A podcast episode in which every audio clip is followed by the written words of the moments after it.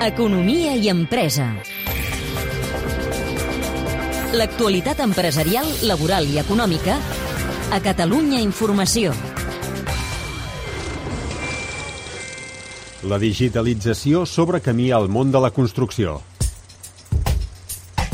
Aquest sector ha pagat una factura elevada pel cessament total d'activitat per la pandèmia. Moltes petites empreses s'han quedat pel camí. La digitalització és una eina per afrontar els nous reptes de l'era post-Covid. Una de les que han sobreviscut és Ogun.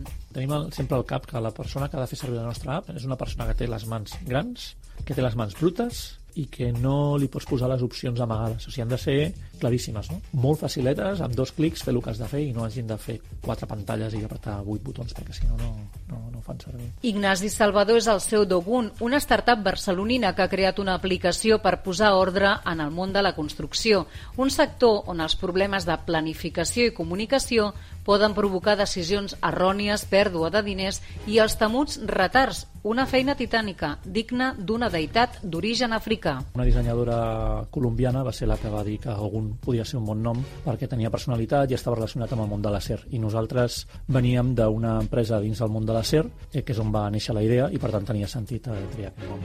L'empresa Ogum va néixer el 2019 però es va començar a gestar el 2017. Actualment té 6 treballadors i l'any passat va facturar 80.000 euros.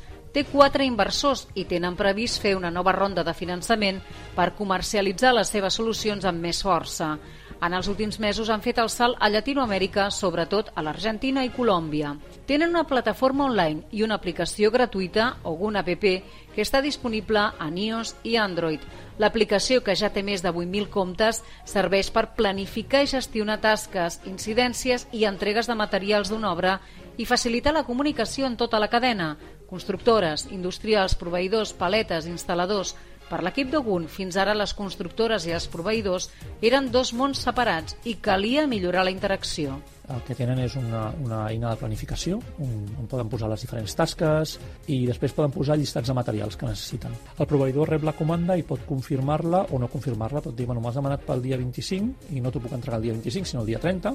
Doncs eh, quan el proveïdor fa això, el que passa és que la constructora veu aquesta nova data en la seva planificació, de forma que pot prendre millors decisions sobre si ha de moure alguna tasca o, o no l'ha de moure. No?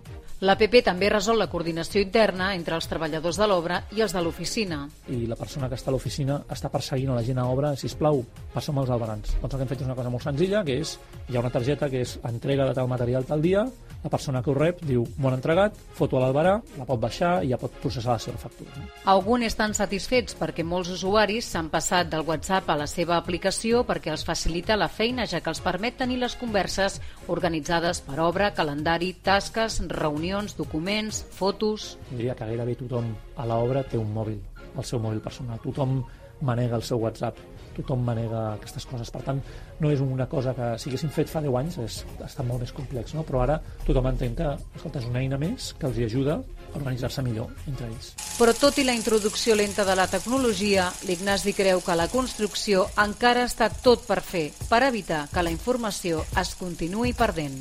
I a mi m'agrada dir que és com si fos el joc del telèfon. Hi ha molts punts on la informació es pot perdre, sense mala voluntat, eh? però al final es perd. I, a més, triga temps. Potser entre que poses la pregunta fins que te la responen, potser ha passat una setmana i has tingut allò, aquella planta no l'has pogut acabar perquè no, has hagut de reorganitzar el teu equip per col·locar-lo en un lloc o l'altre. És un reportatge de la Carme Montero. El teniu disponible al podcast de l'Economia i Empresa.